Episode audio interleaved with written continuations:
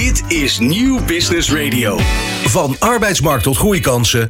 Van bedrijfscultuur tot innovatie. De Ondernemer. Live. Elke dinsdag van 11 tot 1. Live op Nieuw Business Radio. Met Remy Gieling en Roland Tameling.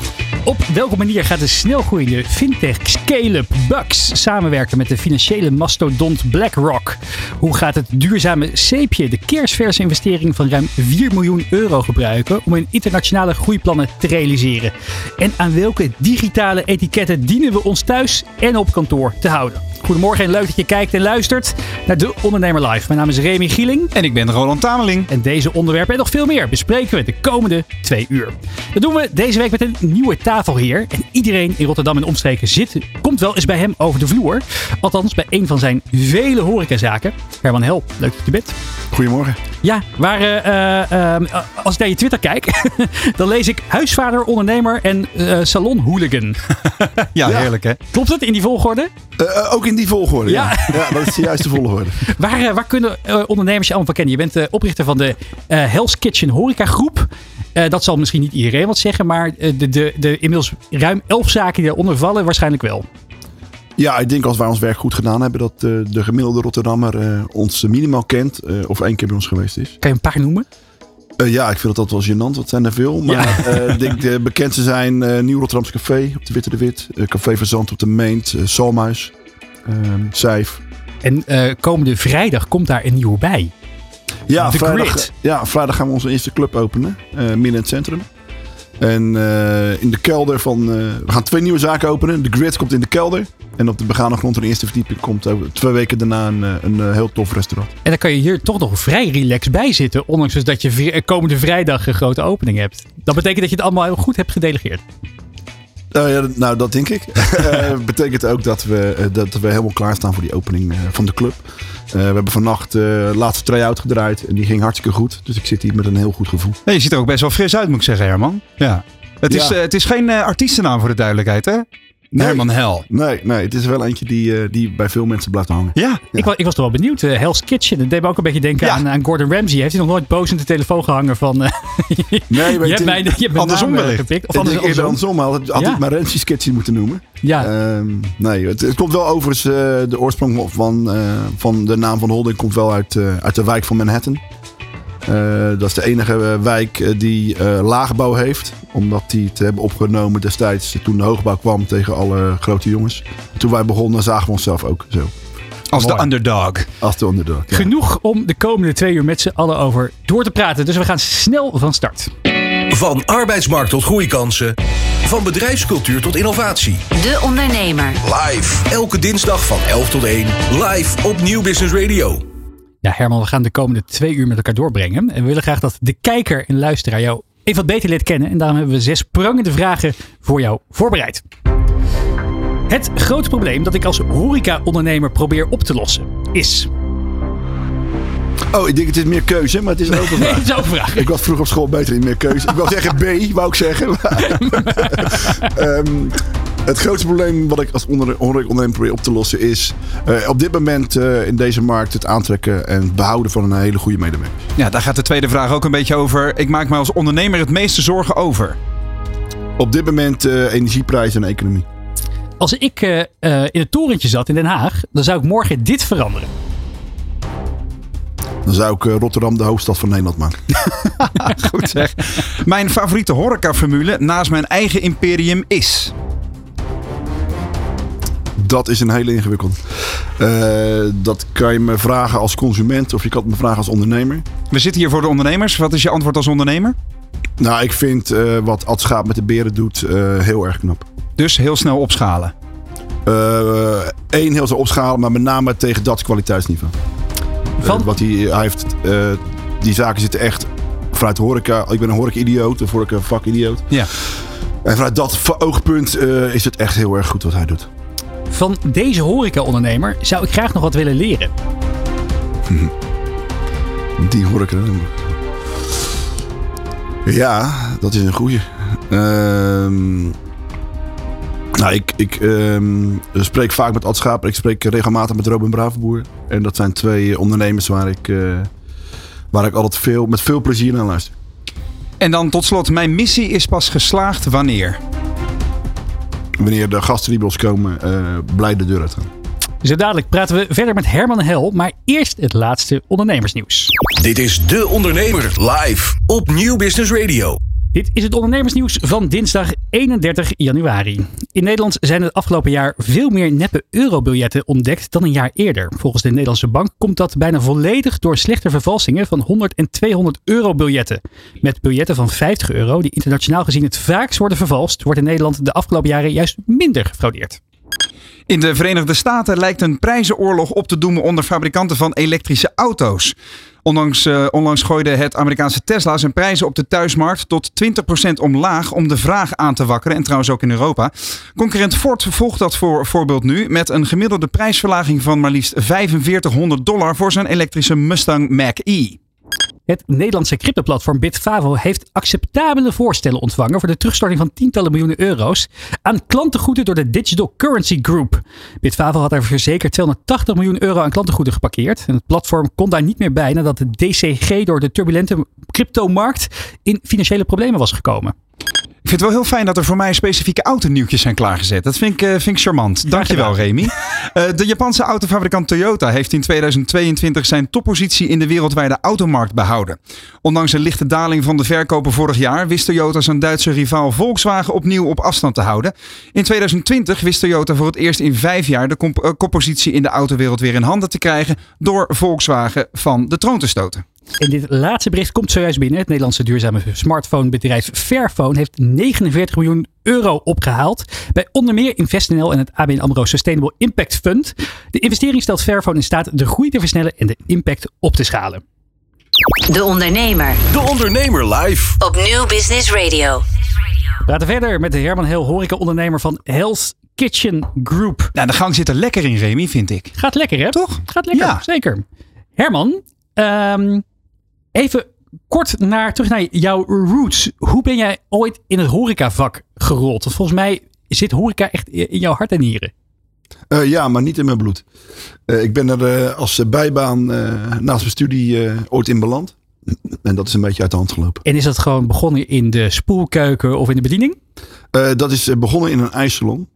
En daarna inderdaad in, als glazenhaler. En toen een carrière als barkeeper en terraskelner. Maar je zegt het zit niet in mijn bloed. Waarom niet? En Nou, wat, het wat bedoel het je zit daarmee? niet in de familie, laat ik het daarmee Ah, op die manier. Oké, oké. Maar het, het, bloed kruipt wel waar het, eh, waar het niet gaan kan, hè, uiteindelijk. Want je hebt ook andere eh, baantjes gehad. Je, je- ik hoorde je zeggen, ik heb één keer een echte baan gehad. Dat was een maandje of zes, geloof ik, hè, als, eh, als eh, vertegenwoordiger. Ja, die, die, die stropdas heb je verschrikkelijk ook. Die stropdas heb je heel snel aan de, aan de wilgen gehangen. Ja, vijf maanden later. Moest Wat je echt je- stropdas? Moest je in pak? Ja, dit is wel, we hebben het natuurlijk over net voor het bombardement ongeveer. dus toen was De het kerk stond nog overeind. Ja. Toen was het nog heel Je gebruikelijk. moest de auto nog aandraaien Ja. voordat hij Ja. eh, ging, eh, ging Ja. roken. Maar dat was toen een, eh, een start-up. Scoot heette dat. Oké. En ehm, nou, ik deed nog best aardig volgens mij, maar ik vond er echt helemaal niks aan. Nee, waarom voel je je dan wel thuis aan de toog? Nou, ik heb eigenlijk naast mijn studie ben ik een beetje die horeca per ongeluk in beland, omdat ik dat heel erg leuk vond. Ehm, en tot op de dag van vandaag heb ik dat nog nooit één dag als werk gezien. Nee? Nee, Uit de hand gelopen hobby. Eh, zo voelt het. Ja. Neem ons eens mee naar die eerste zaak. Want ik denk dat, dat eh, we, we gaan het later in de uitzending hebben over, over het opschalen, over horecaformules, over successen, over dieptepunten. Maar ik denk dat, ja, dat maar waar is het fundament gelegd? Hoe begon dat? Eh, toen ik 25 was, heb ik eh, samen met, een, eh, met de chef-kok waar ik toen mee werkte, eh, hebben we een, eh, een restaurantje overgenomen in Krooswijk. En daar hebben we eigenlijk in eh, vrij korte tijd een vrij succesvol eetcafé van gemaakt. Hoe kwam je daar zo bij? Nou, ik, ik, eh, ik had dus die enorme goede baan. eh, waarbij ik in de weekenden wel gewoon in de horeca ben blijven werken. En ik kom uit een ondernemersfamilie. En dus ja, uiteindelijk wilde ik toch voor mezelf beginnen. Dat was alles het idee. En nou, laten we dan maar iets doen wat we leuk vinden. Toen op zoek. En uiteindelijk kwam er een eetcafé in, in Krooswijk wat, wat goed voelde. In een wijk waar ik me ook goed voelde. Eh, en daar zijn we begonnen met z'n tweetjes. En eh, de eerste vijf jaar heb ik toen een compagnon gehad. En ehm, nou, die zaak werd vrij succesvol. Eh, omdat we best wel op, toen op een vernieuwende manier gingen werken. Lijkt me wel ook wel weer erg ingewikkeld. Je was rond de 25, zeg je? 25 jaar. 25, dan heb je in één keer medewerkers. Heb je in één keer de verantwoordelijkheid over, over de kas, over de inkoop. Over, hoe, hoe, hoe heb je dat aangepakt destijds? Ah, heel simpel. Ik ben gewoon dieper gesprongen. En dan, eh, ja, dan leer je het in de praktijk wel. Ik heb daar geen eh, enorme voorbereiding eh, voor gedaan. Je had niet zoiets dat, dat sommige mensen een beetje vreemd aankeken als ze, als ze, als ze, aankwa- als vertegenwoordigers aankwamen en die vroegen naar de baas. Dat bleek jij te zijn. Nou ja, wat, wat mijn vader toen wel eens tegen me zei. Ja jongen, ehm, je leeftijd, eh, dat, dat is iets waar je niks in kan doen. Over een paar jaar neem je ze pas serieus. Tot die tijd zou je, het, zou je ze moeten overtuigen. En wat eh, je zegt net, eh, eh, we hadden een vernieuwende formule. Waar zat dat vernieuwende element in dan? Wij waren, de, of ik was toen de eerste die ehm, eh, die uitnodiging per e-mail deden. We gingen e-maillijsten doen. We deden bij mensen. Ik weet nog dat ehm, eh, die eigenaar van Free Record Shop destijds Ja? Oh ja. regelmatig bij ons terras zat. En ik zei, joh, mag ik je e-mailadres? Dan kunnen we op de hoogte houden. en toen zei hij, jij gaat, er wel, ko- Broodhoven. jij gaat er wel komen, zei hij. Was echt, oh, dat, eh, dus dat waren we een van de eerste bij. Hans Breukhoven? Hans ja, Breukhoven Hans Breukhoven, ja. ja. En eh, wij deden sms eh, al om reclame te maken als mensen bij ons geweest waren. Ja. En dat deden we allemaal in, eh, in 2001 al. Ja, je hebt tijdens je studie ook een, een internetbedrijfje gehad. Hè? Ja, dat, klopt. dat scheelt misschien ook wel, die achtergrond, dat je dat al had. En ehm, wat mij opvalt, en misschien ga ik nu twee, twee uur radio platslaan in één zinnetje. Maar volgens mij is de essentie van Herman Hel je goed voelen. Je, je gaf het net ook al een paar keer aan. Dat is volgens mij, als ik het even mag invullen, de essentie van jouw horecasucces. Hè? Jij moet je goed voelen en de gasten moeten zich goed voelen. Ja, we, we, de, de, we hebben sinds kort eh, in onze werfscampagne de kreet You have one life, make it count. Oké. En eh, ik denk dat er wel iets is waar ons bedrijf voor staat en waar ik ook zelf eh, belangrijk vind. Dat je wel dingen doet die je leuk vindt. Ja. Ik ben er heilig van overtuigd dat op het moment dat je dingen doet die je leuk vindt, dat je intrinsiek, de intrinsieke motivatie, dat het een van de belangrijkste succesfactoren is die er zijn. Ehm, dus als je dit wat je leuk vindt, word je er vanzelf goed in, denk ik. Ja? Dat denk ik wel. Elf horecazaken. Dat is best knap. Zeker gezien eh, de tijd waar we uitkomen. Ik denk dat, eh, dat eh, ik- gelukkig ligt corona langzaam maar zeker weer achter, achter ons. Je kijkt twijfelend daarbij? Nou, corona ligt helemaal niet achter ons. Eh, ik denk dat in onze branche corona levendiger, levendiger is dan ooit. Eh, de gezondheidscrisis ligt achter ons. Eh, maar de economische impact van corona eh, is op dit moment bij ons in de branche eh, gigantisch. Merk je dat ook bij jezelf? Ja, de, de aflossingen richting de belastingschulden zijn natuurlijk begonnen. Dat Mhm. heeft een enorme impact op de cashflow. Ja. Ehm, en wat ik merk is dat er elke week ongelooflijk veel horecazaken aangeboden worden. Die op dit moment gewoon in zwaar weer zitten. Toch wel. Ja, en dat zijn dan mensen die gewoon besluiten te stoppen met, met hun bedrijf. Eh, of besluiten te krimpen. En, eh, en dan eh, minder bedrijven die wat minder winstgevend zijn, nu proberen af te stoten. Omdat je op dit moment in de branche heel erg winstgevend moet zijn. Om buiten je normale exploitatie ook nog een keer de schulden van corona te moeten kunnen aflossen. Dus een normale winstgevendheid op dit moment is niet voldoende om te overleven. Heb jij die reflex ook wel eens gevoeld om toch dingen af te stoten? Nou, wij hebben de reflex gekozen om er te gaan groeien. Ja. En daar de schulden te laten verwateren. Eh, Oké. Ik geloof er heilig in dat eh, omzet altijd eh, de oplossing is voor alles. Ja, dus juist opschalen en, en eh, proberen meer water door de zee te laten stromen. Dit is wel een, eh, grappige vergelijking. Er was eh, vorige week de serie over Richard Branson aan het kijken op HBO. Ja. Eh, dus ik, ik, ik dacht dat we alles al van die man wisten. Maar er waren nog steeds heel veel vernieuwende inzichten die eruit kwamen. En een van de dingen was dat hij op een gegeven moment een boete had gekregen van de Britse overheid. Omdat hij wat belastingdingetjes had weggemoffeld. En de enige reden wat ze konden doen om die schuld terug te betalen. Of die boete terug te betalen. Was inderdaad om heel snel heel veel van die free records winkels te openen. Of die free record, veel van die Virgin, Virgin, record, record winkels stores, te ja. open, Ja. openen. Om maar snel eh, omzet te genereren. Om, om die boete te kunnen betalen. Dus je bent niet de eerste die, eh, die deze aanpak heeft gekozen. Nee. Dus er is maar één optie en dat is gas geven. Ja, ik geloof eh, dat dat altijd eh, de reflectie is waar wij, ons, eh, waar wij op terugvallen. Ja. Is Is dat het ook ook... het leukste wat er is als ondernemer, hè, gas geven? Ja? ja, ik vind het. Er is niks mooier om, dan, om eh, dan met je bedrijf en met je team en met je medewerkers door muren heen te gaan. Maar snap je wel die reflex die jouw collega horeca-ondernemers hebben? Dat zij denken, nou jongens, van mij hoeft het niet meer. Of ik, ik maak me nu zoveel zorgen. Ik, ik trek dit niet. Waarom hou jij vol dan? Nou, ik snap het heel goed. Sterker nog, ik heb in die crisis met heel veel collega-ondernemers gesproken. Die vroegen van, Herman, wat zou jij doen als je, als je ons was? Ja. En ik heb tegen heel veel die mensen gezegd, stop er maar mee. Want ehm, dat is vanuit financieel oogpunt in veel gevallen veel verstandiger dan door, dan door te gaan. Ehm, maar je moet ook in de gelegenheid zijn om te kunnen stoppen natuurlijk. Ehm, Als je heel en je moet het ook eh, kunnen. Als je, En, en als je ziet dat heel veel van die horecazaken nu te koop staan of locaties beschikbaar komen, kriebelt het dan niet echt enorm dat je denkt van, oh ja, ik, ik, dat, dat je een soort van fear of missing out krijgt. Van, oh ja, ik wil, ik wil daar eigenlijk ook wel zitten, ik wil eigenlijk ook wel daar zitten. Dat Nou, we, hebben de, we hebben de Hell's Kitchen bingo kaart. Ehm, die bestaat natuurlijk niet echt. Ehm, maar die hebben we wel. Eh, en dat is gewoon eh, een lijstje eisen waar een locatie aan moet voldoen. En eh, als die daaraan voldoet, eh, dan zijn we geïnteresseerd. Eh, als hij er niet aan voldoet, dan eh, hebben we niet zo heel veel last van FOMO. Wat staat daarop dan? Jij bent wel benieuwd, kan je er twee Ja. noemen? Ik kan er wel twee noemen hoor. Ja, dat is, heeft onder andere te maken met, eh, met zonposities. eh, en met de mogelijkheid om eh, zeven dagen per week, van 's ochtends vroeg tot 's avonds laat, ehm, te kunnen exporteren. Ah, vergunningen en maar zonposities. Ja, eh, een groot deel van het jaar is natuurlijk zon bepalend. Dus, Terras, ja of nee? eh, onder andere, nou niet alleen terras, maar ook eh, de positie van het terras is belangrijk.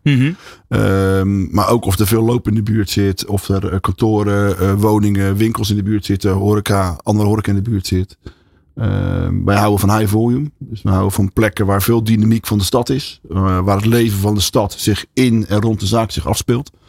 Ehm, en wij zijn wat minder van eh, de unieke eh, locaties net om het hoekje. Nou was eh, recentelijk een documentaire verschenen over horecaondernemer Won Jip op, Ja. de, op de NPO. Heb je hem gezien? Ja, uiteraard. Ja, uiteraard. Wat, eh, eh, wat mij in ieder geval heel erg opviel, is, is dat hij. eh, het is natuurlijk een, een markante ondernemer. Maar een van de dingen die hij wel ja, daarin ook laat, laat, laat merken, is dat hij eh, niet zo enorm is van het vertrouwen. Hij, hij wil echt overal bovenop zitten. Hij woont eh, eh, een deel van de tijd boven een van de zaken. Hij wil er elk moment binnen kunnen lopen. Hij doet samen met zijn zus iedere dag nog de, de, de, papieren boekhouding. Ben jij ook zo? Nou, ik ken, ik ken Won en ehm, die is een jaartje of tien ouder dan ik. Het is een iets andere generatie. Dus die generatie doet het nog op die manier. Eh, maar mijn generatie is natuurlijk al meer van, eh, van een groot deel pinnen en bijna geen contant meer. en eh, van Ja. geautomatiseerde kassa's waar je niet mee kan afromen. Dus ons bedrijf is, is op een, in een andere tijd begonnen. Dus ik ben meer van vertrouwen dan de oude generatie. Ik heb her en der ook wel eens ver- vernomen dat men van mening is dat je soms wel te veel vertrouwen hebt. Ja, ik heb liever eh, vertrouwen dan geen vertrouwen. Ik, eh, als je bij mij begint, is de basis dat ik, eh, dat, dat, ik, eh, dat er vertrouwen is. En anders, eh, anders begin ik er niet aan. Een stip met een microfoon. Voor een ondernemer die durft te dromen van het grote succes. Een ondernemer die in de spotlight stapt om de vakjury te overtuigen van het gouden businessconcept. Dag David. Hi Ben. Welkom Nick. Christina. Ben je er klaar voor? Ik ben er hartstikke klaar voor. Dan ga ik de klok aanzetten. Ik, Fabienne de Vries, neem jou mee in een nieuw seizoen van Droomstart. Een unieke podcastserie van de ondernemer waarin we ambitieuze Nederlanders volgen bij het realiseren van hun ondernemersdroom. Ik weet zeker dat er, dat er ruimte is om dit veel groter neer te zetten. Mijn grootste ambitie op dit moment is om dit zo ver mogelijk te schalen. Ja, we kunnen ons meten met de, met de, met de A-brands, eh, zeker als het gaat om, eh, om kwaliteit. En mensen die willen ervoor betalen als het werk gewoon goed wordt geleverd. Volg Droomstart in je favoriete podcast-app en mis niets van dit unieke kijkje achter de schermen. Droomstart is een initiatief van de ondernemer en podcastbureau As We Speak en wordt je aangeboden door Credits. Ja, je hoorde zojuist de promo van de podcastserie Droomstart. En vorige week waren de finalisten hier in de studio. Vandaag is de allerlaatste aflevering van het seizoen live gegaan. De spannende ontknoping. Want wie heeft Droomstart gewonnen? Is het eh, Jeffrey die met FinBuddy financiën leuker en makkelijker wil maken? Of is het Angela die met Food for Skin de vervuilende beauty-industrie schoon wil maken? Eh, Roland, ik heb eh, in de auto hier naartoe vandaag de aflevering geluisterd. Jij ook? Ja, nou, ik vind het sowieso echt verrassend wat er nu gebeurt de laatste tijd. Vroeger was ik altijd van de muziek in de auto. Altijd muziek aan. En nu zit ik dus naar hele uren aan pratende mensen eh, eh, eh, zit ik naar te luisteren. Niet En- jezelf. En, nee, dus zo waar is een keer niet. Mijn vrouw zegt ook, word jij nooit gek van je eigen stem? Ja, is het antwoord. Maar Droomstart vind ik, om even terug te gaan naar de basis, vind ik echt een zo'n heerlijke, frisse, sprankelende serie. En ja, het was een close call, moet ik zeggen. Ja, ik vond het ook wel inderdaad. Een mooi jurycommentaar. Ik vond het ook al mooi dat de winnaar uiteindelijk een beetje geëmotioneerd was van, van, de, van de, de keuze dat het op hem of haar was gevallen. Dat laten we nog even in het midden. Oh, je wil het ge- eh, geheimzinnig houden, ja? Nou ja, als je het inderdaad wil weten of Ja. FinBuddy of Food for Skin de winnaar is geworden van Droomstart, dan moet je toch echt eventjes gaan luisteren naar, eh, naar Droomstart via deondernemer.nl of natuurlijk je favoriete podcast app. Dit is De Ondernemer live op Nieuw Business Radio. Ja, en van Droomstart gaan we naar digitale etiketten. Want mogen we appen met collega's buiten werktijd? Uh, is LinkedIn het nieuwe Facebook geworden? En wat is eigenlijk de etiket bij een Zoom-vergadering? Aaron Merk en uh, Sanne Canes hebben de oplossing met niet appen tijdens het eten. Een uh, mooi boekhandige gids waarin ze zeven tips delen om ja, digitale ongemakken te voorkomen. Ik hou hem weer even omhoog als Roland Kaan zeg maar ook deed met zijn boek. dat goed. werkt toch hier in de uitzending, ja, Aaron? promotie. Aaron is dus aangeschoven. Welkom. Uh, nog, nog één keer, want de microfoon nog niet open. Welkom. Leuk dat je er bent. Ja, thanks for having me. Ja. Dankjewel. Hey, uh, dit boek, je, je, je, ken je van uh, echt allerhande activiteiten. maar waarom besloot je een boek te schrijven over digitale etiketten? Ja, nou, Sanne en ik hadden het over etentjes met onze vrienden die gezellig zouden moeten zijn, maar dat nooit werden.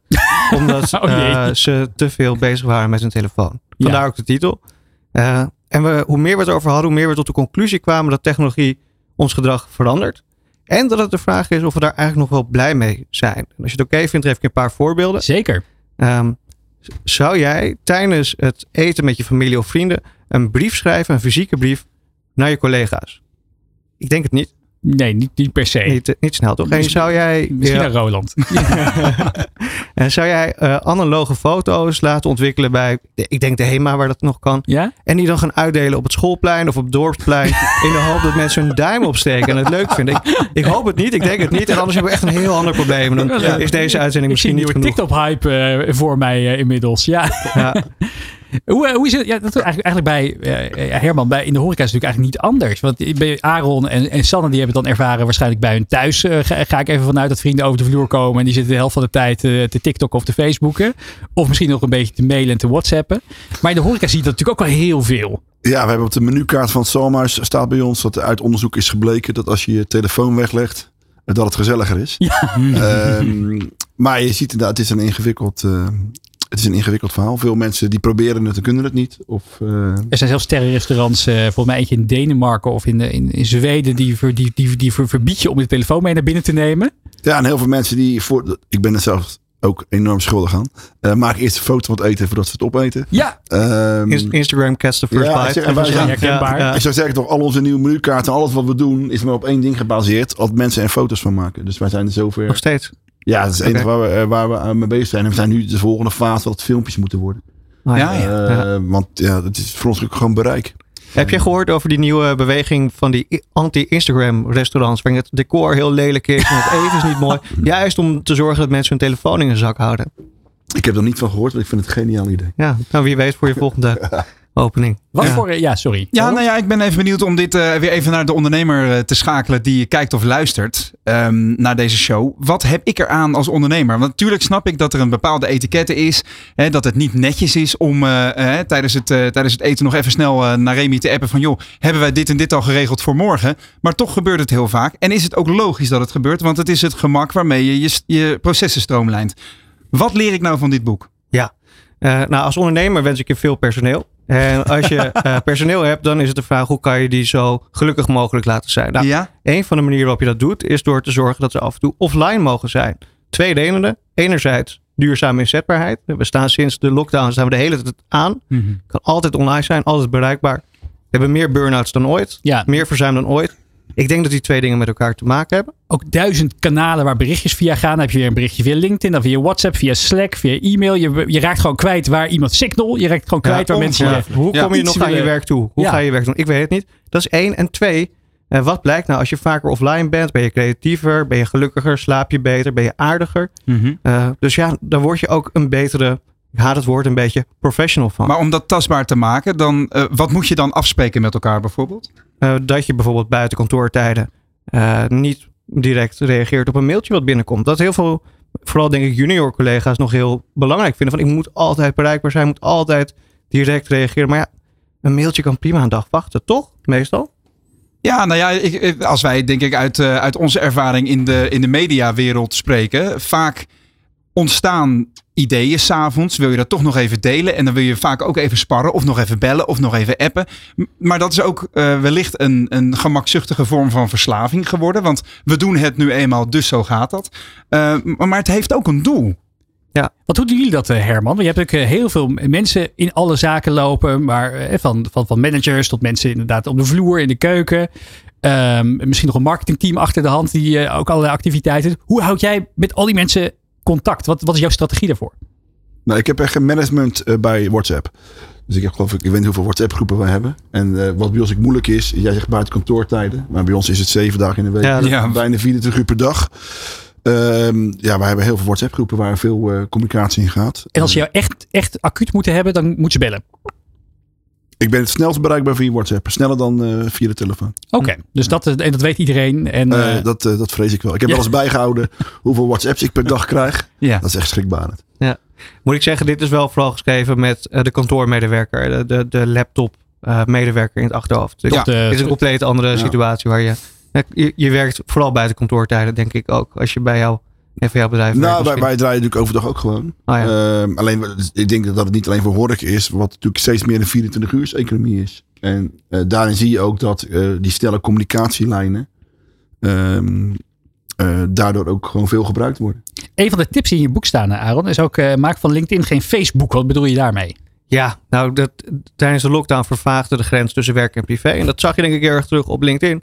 Waar men ja, kinderfoto's ging delen en de humble brags. Van ik heb, ben op vakantie geweest met mijn gezin en ik heb ze naar de top van de berg gebracht. En ik ben weer klaar voor het nieuwe jaar waar ik weer veel leiderschap tentoon ga spreken. Ja, het is vreselijk. Het is Menige politieke discussie werd er ook uitgevochten. Ja, ja, en daar zijn platformen voor. Daar hebben we al uh, Twitter. Je zou het ook op Facebook kunnen doen. Uh, daar, daar is al ruimte voor. En laten we dan LinkedIn alsjeblieft nog een beetje zakelijk houden. Waar je vacatures kan delen. Interessante onderzoeken. Uh, andere content. Maar laat het alsjeblieft een beetje bewaren voor wat het is. Ja. Ik uh, zie ook heel veel van die posts voorbij komen van mensen die erover klagen dat mensen inderdaad privézaken op LinkedIn delen. En die worden dan dat heel veel geliked. Ja, blijkbaar, blijkbaar zijn er meer mensen die deze ergernis met je delen in elk geval. Een soort self-fulfilling prophecy inderdaad, ja. Uh, ja. Ik, ik, bleef ook nog even hangen bij, uh, je, je, geeft ook even zeven tips. Hè? En tip 2 is geen werkmail via je privéadres. Er staat ook, wees geen Hugo de Jonge en stuur je werkmail niet via je privéadres.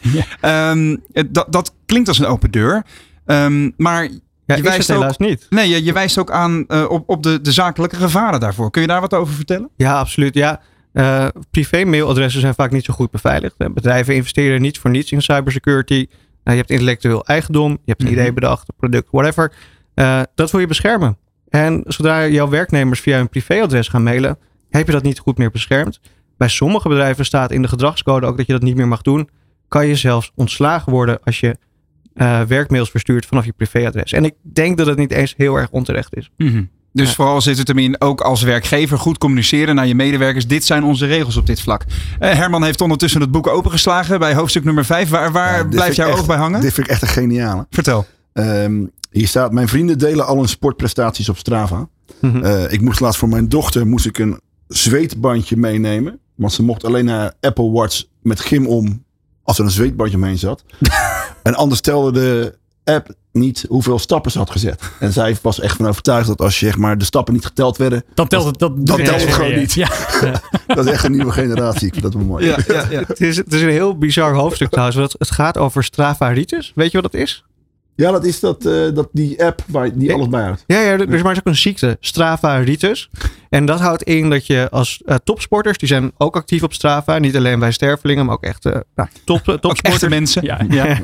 en die gebruiken dat als psychologische oorlogsvoering om indruk te maken op hun concurrentie voor een race.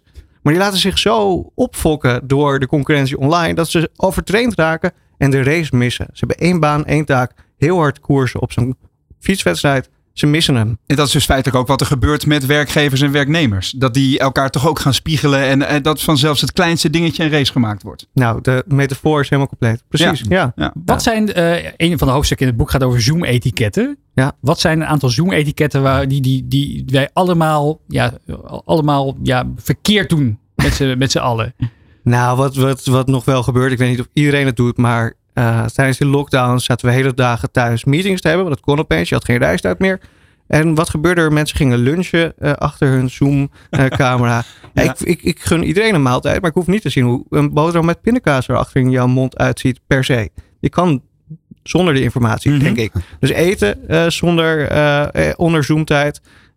iedereen uitgebreid gedag zeggen, je espresso-apparaat aanzetten. het was even wennen. Ik bedoel, dat is ook het hele ding van het boek we zijn al een poosje online. We hebben ons nooit afgevraagd, hoe hoort het nou? Nou ja, geen espresso-apparaat, niet eten, niet te laat komen. En heb je een grote Zoom call, zegt dan niet iedereen apart gedag. Want dan ben je een kwartier verder soms, als het echt een hele grote meeting is. Ja, en wat we volgens mij niet moeten onderschatten is dat dit nieuw inmiddels ook echt een een maatschappelijke discussie, eh, discussie begint te worden. Hè? Eh, Robert Dijkgraaf uh, afgelopen week natuurlijk over de, de, de, minister van Onderwijs onder andere. Had het al over de, de kwaliteit van het onderwijs. Maar ook de, de schermoverdosis hè? die, die um, eigenlijk door alle lagen van de bevolking al is. Van kinderen tot aan uh, ondernemers. ik begreep van Herman ook dat jouw telefoon zit vastgeplakt aan je hand zo'n ja. beetje. Um, dus, dus daar moeten we wel wat mee. Ja, ja. ja. En, en schermtijd met kinderen, dat klinkt een beetje flauw, maar dat begint ook bij ja, grote mensen die het goede voorbeeld moeten geven. Uh, je kan wel tegen je kinderen zeggen, stop daarmee.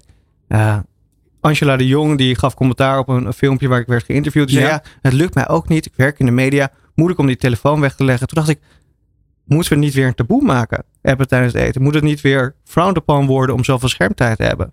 Ik zag laatst bij de Xenos, ja, dit, oh, dit is echt een hele grote ontboezeming die ik nu doe op live radio. Maar uh, een kluisje voor je telefoons. Dat met een sleuteltje, dat zet je dan in je huiskamer op het moment dat je gaat eten. Telefoons weg. Lijkt mij een, een hele zinnige oplossing uiteindelijk. Dit heeft niemand gehoord, hè? Een hele low-tech oplossing van Roland Tameling hier.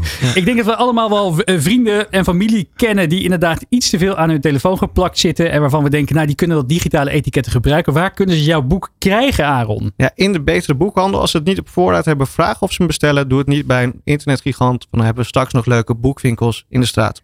Ga naar je lokale boekhandel voor en niet appen tijdens het eten. Het nieuwe boek van Sanne Canes. En Aaron Merk, dankjewel voor je komst. Thanks. Dit is De Ondernemer live op Nieuw Business Radio. We praten verder met de Rotterdamse horecaondernemer Herman Hel. Ja, etiketten. Wat je ook heel veel ziet is dat uh, steeds meer mensen natuurlijk gaan flexwerken in, uh, in restaurants en cafés. Hoe kijk jij daar tegenaan? Is dat, is dat wenselijk? Ja, wij richten onze dagzaken daarop in. Dus ja? met goed wifi, met veel um, stroompunten in de buurt van, van de banken en van de tafels. dus ik, ja, dit, ik vind het wel een stadse vibe hebben. Ik uh, werd laatst wel in een, in een, in een uh, café, lunchzaak in Utrecht inderdaad. Uh, had ik mijn laptopje even opengeklapt. Toen werd ik gedirigeerd naar de andere kant van de zaak. Het was verder helemaal leeg. Oh. Maar die kant van de zaak was geallockeerd voor mensen die inderdaad achter een laptop willen werken. En blijkbaar de andere kant voor mensen die gewoon gezellig willen, willen kletsen met elkaar. Dat is natuurlijk ook een strategie. Ja, je ziet natuurlijk steeds meer zaken die helemaal ingericht zijn op, op buiten de deur werken. Ja. Ehm, die ze daar helemaal voor gefaciliteerd hebben. Ja, maar ik kan me ook voorstellen dat het, uh, dat het prettig is inderdaad om de diverse doelen in je zaak te scheiden van elkaar. Want uh, wat je net al zei, uh, je moet je ergens thuis voelen als je binnenkomt. Hè, en snappen dat alles klopt bij het gevoel dat de zaak moet uitstralen. Maar als daar allerlei mensen overdag op hun laptop zitten, dan kan ik me voorstellen dat je iets minder gezellig zit te lunchen bij, jou, bij jouw tenten. Ja, ik moet zeggen, in de praktijk bij ons gaat dat hartstikke goed. Ja? Um, maar goed, wij zijn ook niet een zaak die helemaal ingericht is op, thuis, op buitenhuiswerken. Um, en er zijn natuurlijk locaties, met name koffiebarren, die daar wel helemaal op ingericht zijn. Mm -hmm. Daar is het misschien anders. Ja. Uh, maar bij ons in de praktijk vind ik het een mooie mix. En over etiketten gesproken. Um, ik las dat jullie zo'n beetje alles hebben vastgelegd. Zelfs het woord kwaliteit of het, het, het fenomeen kwaliteit is gedefinieerd bij jullie. Ja, je mag bij ons intern niet zeggen dat de kwaliteit niet goed is. Nee. Want dat vinden we niet zoveel in. Uh, dat, dat, zegt niet zoveel. Dus we willen dan wel. We hebben gezegd, joh, wat is dan kwaliteit? En het antwoord daarop is? Nou, dat, dat heeft te maken met, uh, met gastbeleving, met, uh, met levertijden, met. hoe heet dat? met fight management. We hebben een hele lijst daarvan.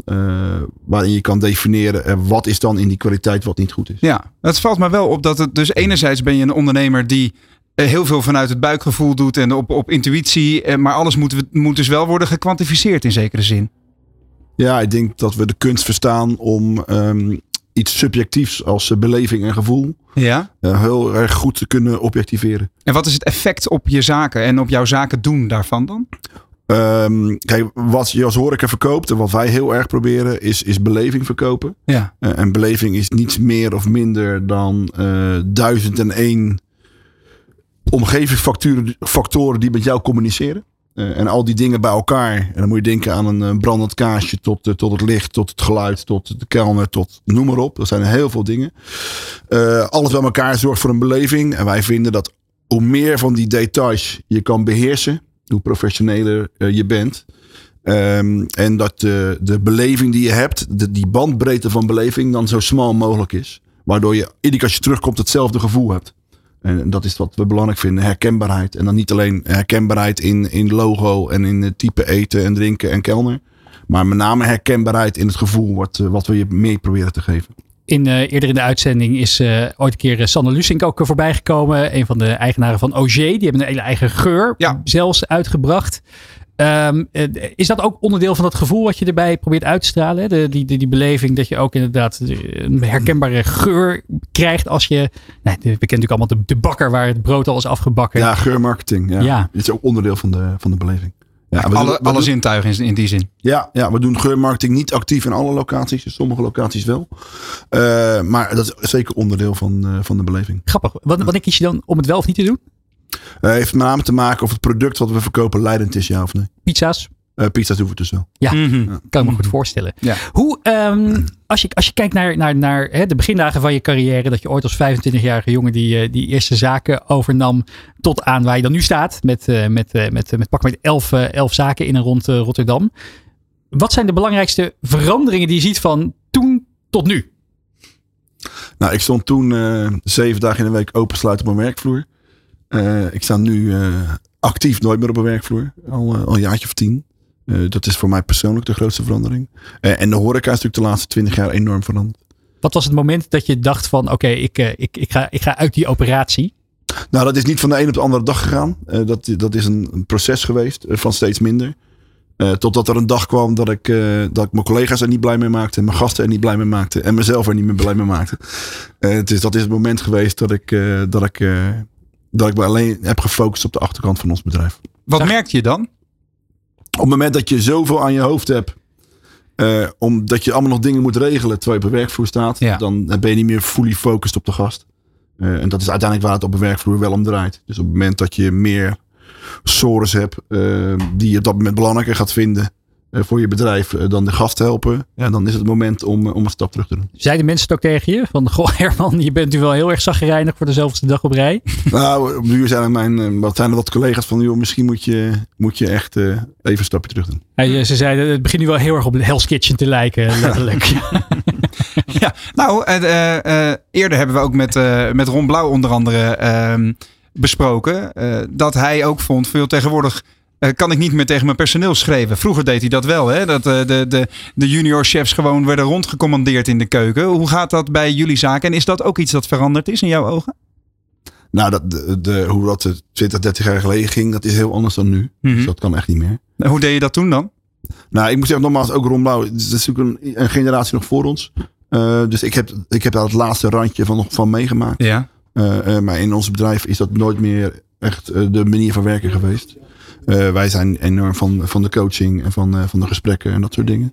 Eh, we hebben gewoon een HR-afdeling die, die daar training op geeft. We hebben de belangrijkste training bij ons, is de mindset training. Mhm. Ja. Dus dat je zelf bepaalt ehm, dat het de leuke dag wordt. Dat zit tussen je oren. Dat is een van de belangrijkste en ook een van de populairste trainingen die we hebben intern. Hij, eh, Ron, Ron zei ook dat, ene, dat, dat dat een van de grote veranderingen bij hem was inderdaad. Dat hij heel erg van, van dat, dat, dat hij de medewerkers hè, vanuit alle lagen van de organisatie heel erg is gaan coachen. Ook hoe ze bijvoorbeeld moeten omgaan met het nachtleven.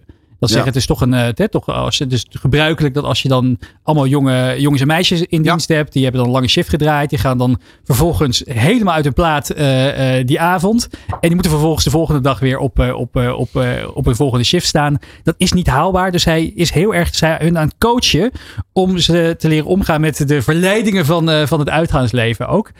Snap je dat? Eh, ik herken het zelfs, ja. ja wij, zeker de barkeepers die wij hebben werken eh, in de uitgaanszaken, dat zijn, eh, dat zijn populaire mensen. En eh, dat is natuurlijk verleidelijk als je jong bent en eh, je staat vol in de aandacht om, om in die valkuil te trappen.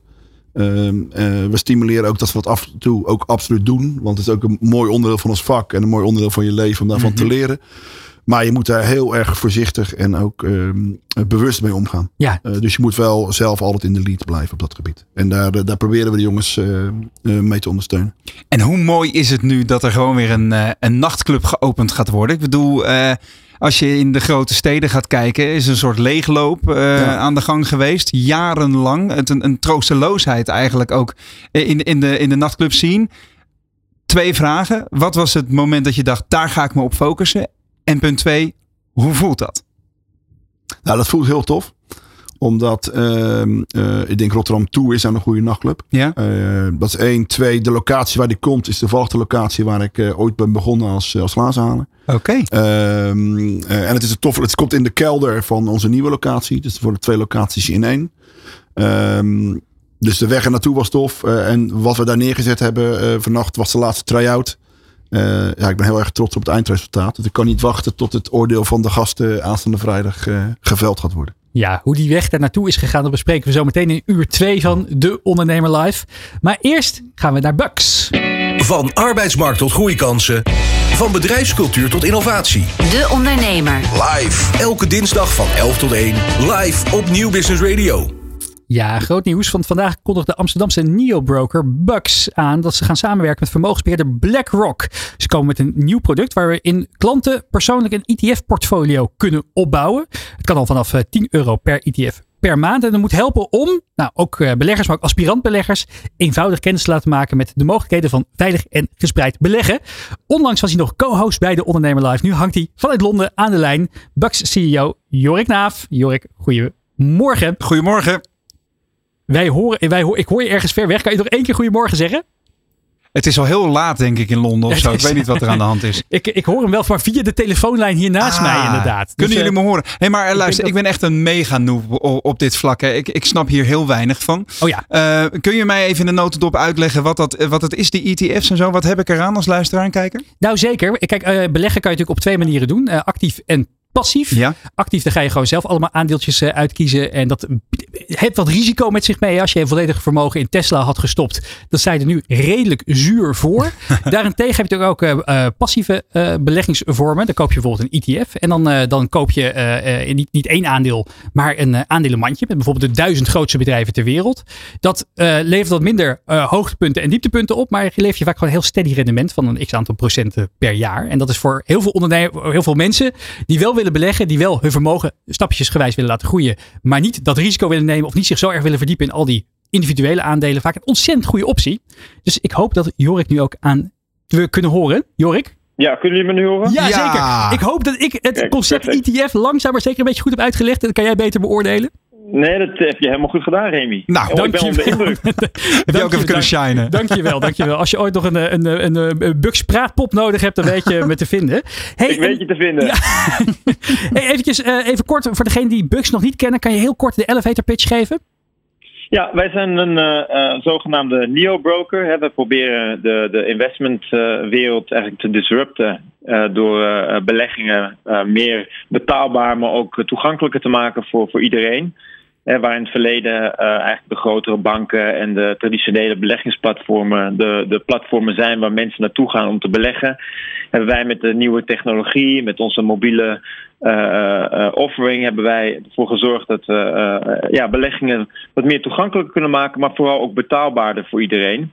We zijn redelijk snel gegroeid hierdoor, ook in populariteit. We hebben meer dan een half miljoen gebruikers, of, of rekeninghouders zou ik moeten zeggen.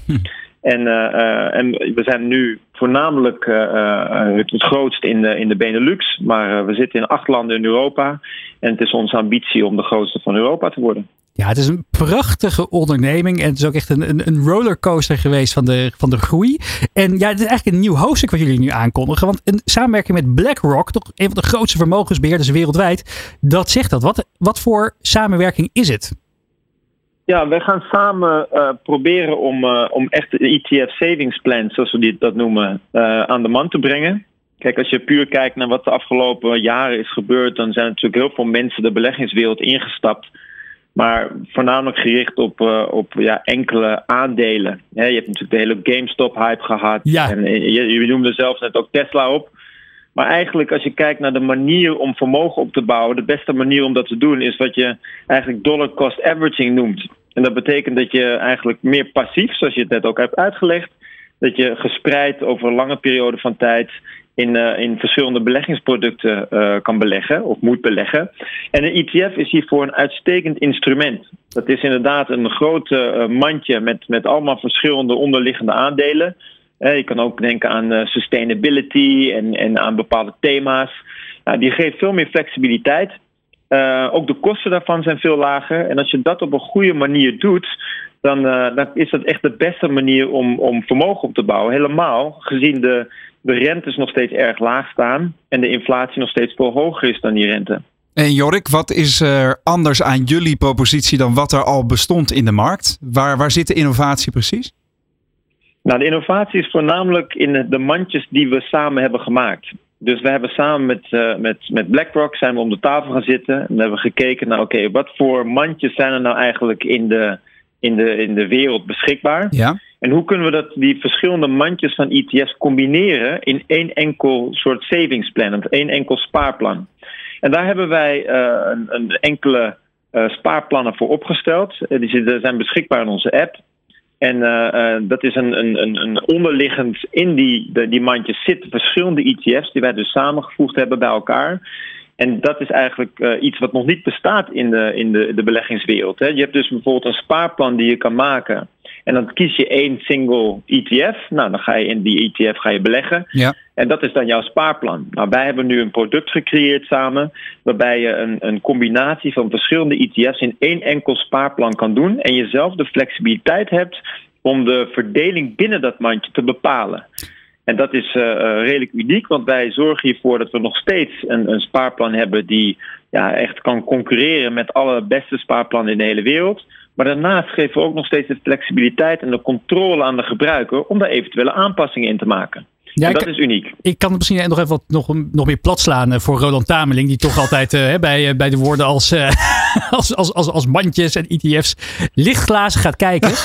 is dat dan nog hand? Ik krijg dus heel vaak inderdaad de vraag van, van, van, van, van vrienden, van kennissen, van, van, van familie. Van inderdaad, hè, als ik ga beginnen met beleggen, wat moet ik dan doen? Nou, ik ben, ik ben, ben zeker niet de Warren Buffett van Nederland. Maar ik ken veel ondernemers die in deze markt zitten. Dus vanuit die expertise, hoe kan ik ze af en toe wel een klein beetje in de juiste richting duwen? Vaak van de ETF's inderdaad. Mm -hmm. Maar vragen ze heel vaak, oh ja, oké, okay, maar welk ETF moeten we dan hebben? Want er zijn er inderdaad honderden, zo niet vele, vele duizenden.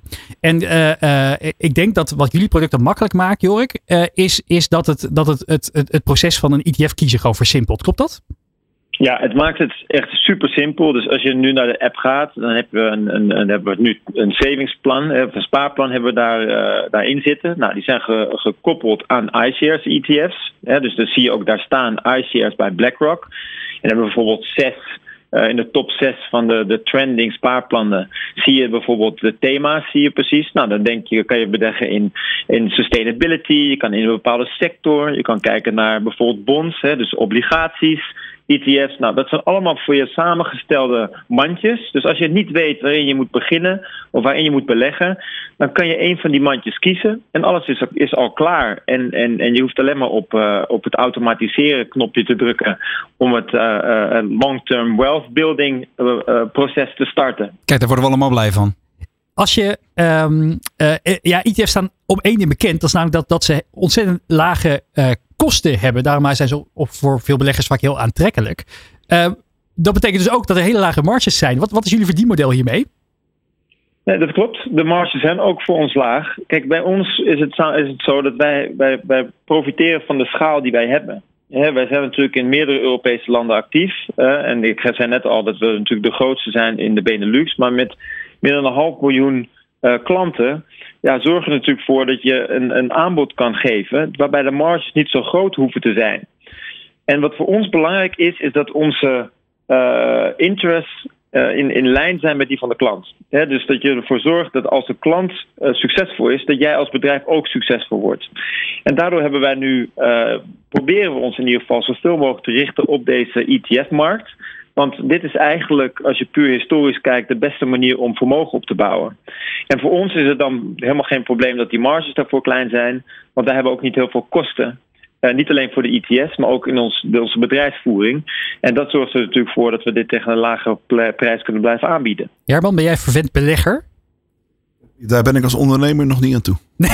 ik wilde zeggen, ik was niet de enige die wat glaziger begon te kijken in de studio. Want uh, het, het is volgens mij niet helemaal in jouw belevingswereld ook dit, of wel? Nee, ik doe alleen dingen waar ik, uh, waar ik verstand van heb. En dit is echt heel ver van mijn bed. Maar als je dit zo hoort, uh, ik kan me wel voorstellen dat je nu denkt: hé, hey, dit zijn mannen die hebben er wel verstand van, die kunnen mij wellicht helpen. Is dat dan iets dat jou triggert?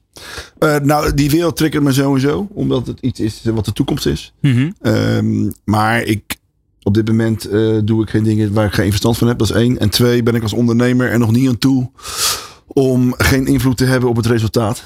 En, en dat is natuurlijk ehm, wat hier wel is. Maar eigenlijk, uh, Jorik, is, uh, is Herman daarmee ook wel de ideale klant hiervoor, toch? Uh, iemand die ge geen zin en zeker geen tijd heeft om zich te verdiepen, maar misschien wel iets wil doen met, met, met, met niet over, over, overtollig vermogen op een, op een spaarrekening wil laten staan.